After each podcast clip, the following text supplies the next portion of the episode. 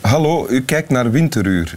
En middels eh, mails, faxen, gele briefkaarten, brieven, telefoontjes, sms'en enzovoort blijven er vragen toestromen van eh, kijkers over Boris de hond, die er altijd zo rustig bij ligt. En sommige mensen vragen zich af, leeft die hond wel? Eh, wordt die, wordt die, krijgt die valium toegediend? Eh, dat soort vragen. En ehm, ik zou er nu graag voor eens en altijd komaf mee maken door... ehm, in, in, met, met Boris in dialoog te treden en hem te vragen of hij goed behandeld wordt. De afspraak is, als Boris eh, vindt dat hij niet goed behandeld eh, wordt, eh, of ongelukkig is, op eender welke manier, om eender welke reden, in winteruur, hier op de bank, dan blaft hij. Als hij wel gelukkig is, dan zwijgt hij. Dus Boris, ben je gelukkig bij winteruur en word je hier goed behandeld door je vriend Wim Helsen?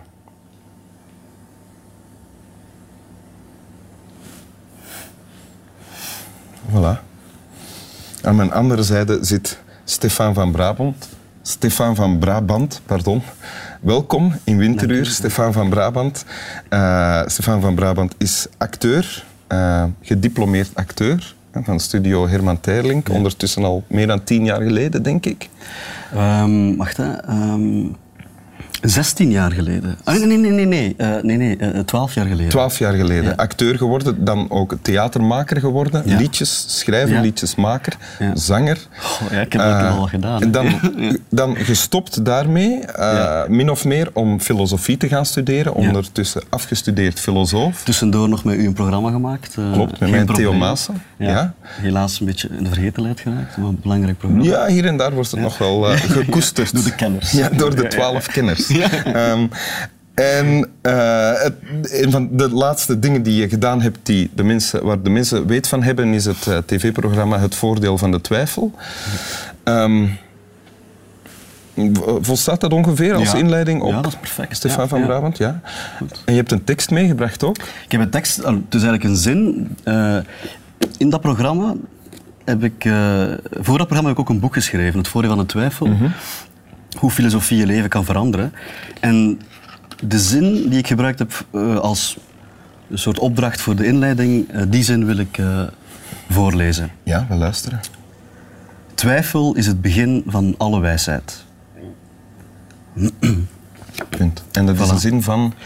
Dat is de zin van, van Descartes, hè, de, de 17e-eeuwse Franse filosoof Descartes. Ik weet niet waar ik die zin... Ik heb die ooit ergens opgevangen en die is mij bijgebleven. Twijfel is het begin van alle wijsheid. Ja. Nu, Hoezo, Descartes, ja? ja? Descartes bedoelde dat... eh, de, de betekenis van die zin voor mij ehm, staat los van de, de context waarin Descartes ze geformuleerd heeft. Bij hem was het een... Hij gebruikte de twijfel als een methode om tot zekerheid te komen. Mhm. Dus hij zocht naar een fundering voor, voor zekere kennis. Dus zei, we moeten aan alles twijfelen om tot het onbetwijfelbare te komen. En zo kwam hij uit bij, bij eh, wijsheden of, of dingen die niet meer in twijfel konden worden Ja, getrokken. één fundament bij hem. Hij zegt, ja, onze zintuigen bedriegen ons soms, dus onze zintuigen zijn geen betrouwbare... ehm, zijn niet betrouwbaar om tot kennis te komen. Eh, God bijvoorbeeld, God zou, ons ook, zou ook een, een boosaardig wezen kunnen zijn dat, ons, eh, dat ons bedriegt. Eh, en hij zei dat één ding is onbetwijfelbaar, namelijk dat er iets of iemand is die aan het twijfelen is. Hè, dus het subject of het bewustzijn. Vandaar dan ook die andere zin, ik denk, dus ik eh, ben. Of ik twijfel, dus ik Ah ja. ben. Maar voor mij betekent de zin eigenlijk... eh, dus ik, ik haal ze eigenlijk uit die context, omdat het voor mij een soort eh, algemene beschrijving is van wat de essentie van filosofie is. Ja? En dat is ehm, ja, stoppen met weten en beginnen met, met denken. Ehm, als je dingen weet, dan denk je niet. En als je denkt, dan is het omdat je eh, twijfelt, omdat je het niet echt weet.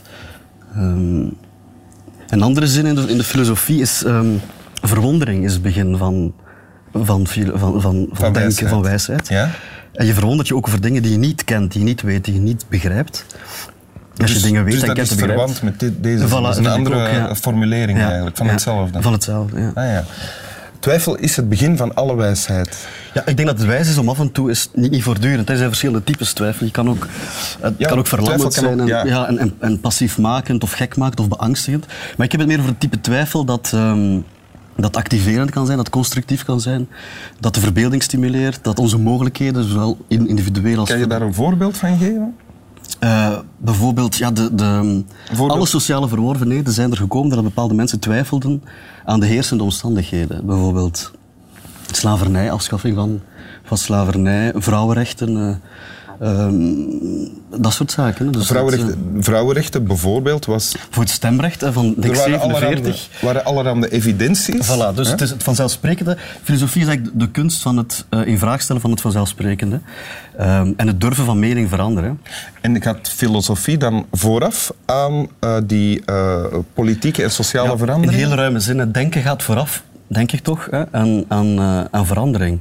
Het, het, het, de ingesleten denkgevoels, gedrags, handelingspatronen worden bevraagd.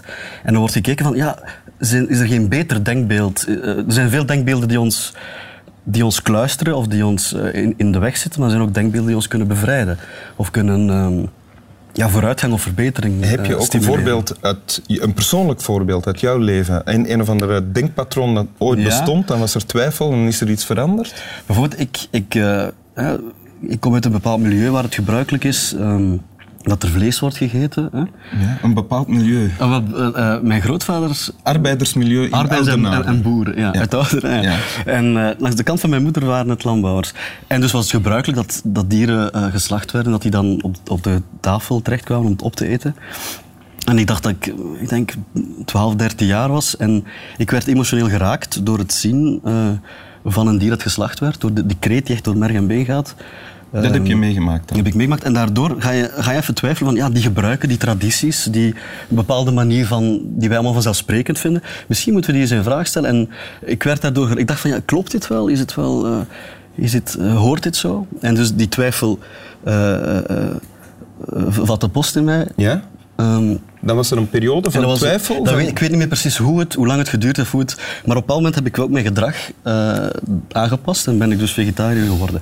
En nog een kenmerk van, van twijfelen is dat je de dingen in vraag stelt, dat je daardoor altijd uh, onthaald wordt op, als je dingen wil veranderen, op um, in eerste instantie op spot, dan op verzet en dan wordt het als vanzelfsprekend aanvaard. En ook al die fases heb je meegemaakt? Heb ik meegemaakt, vegetarisme? Ja. Dat is eigenlijk, die drie stadia die heeft Schopenhauer ook aan. Dus elke waarheid uh, doorloopt drie stadia. Eerst wordt het geridiculiseerd, want wat anders is of vreemd is, uh, moet worden, uh, ja, moet worden geneutraliseerd, hè, want dat, dat bedreigt de, de, de, de, bestaande orde. Ja. Hè.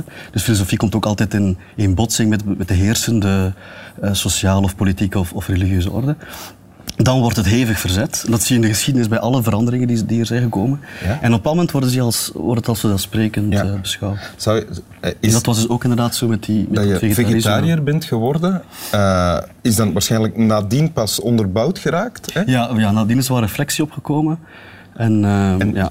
en dus de gewoonte of de idee, het is beter om geen vlees te mm -hmm. eten, zou dat een idee zijn dat je opnieuw aan twijfel kan ja, ik laten dan, onderwerpen? Ja, want ik heb mijn thesis daarover geschreven en ik wou het eigenlijk legitimeren. Ik dacht, ik zoek een, een, een rationele onderbouw hè, om, om, die, om die, uh, dat vegetarisme... Dus je ging eigenlijk actief op zoek naar argumenten om toch ja. terug vlees te gaan eten? En ik ben op dat moment echt weer beginnen twijfelen.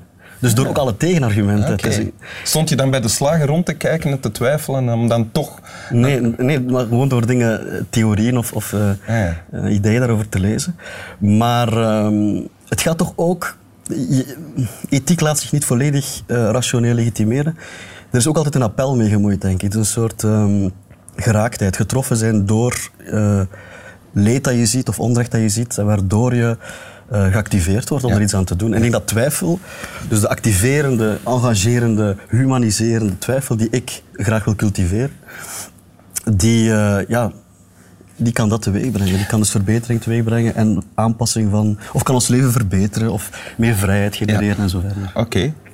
Uh, wil je ten behoeve van mij, Boris en de kijkers thuis nog één keer die humaniserende, activerende uh, misschien oorsprong van uh, de filosofie Zoals, Was het wel hoogdravend of toch? Hè? Of, of, Nee, nee, ik vond het heel duidelijk en- het zo, en concreet. Nee, nee. Oké. Dat was twijfel, twijfel over. Voilà, Ja, over- ja. ja. Ja, dat kan, het kan ook een, een ziekte worden, hè, dat voortdurend overbewust zijn van, Ja. eh, van jezelf of van de dingen die. Maar Maar dat is dan meer een onderwerp voor theaterstukken misschien, Voilà, bijvoorbeeld. voilà. Ja. dan wordt een neurotische afwijking. Wel eh, met komische, Natuurlijk, Komische- altijd. Eh, komische gevolgen. Eh, twijfel hè, is dus de zin. eh, twijfel is het begin van alle wijsheid. Dank u, Stefan van. Draden. Merci. Slaap wel.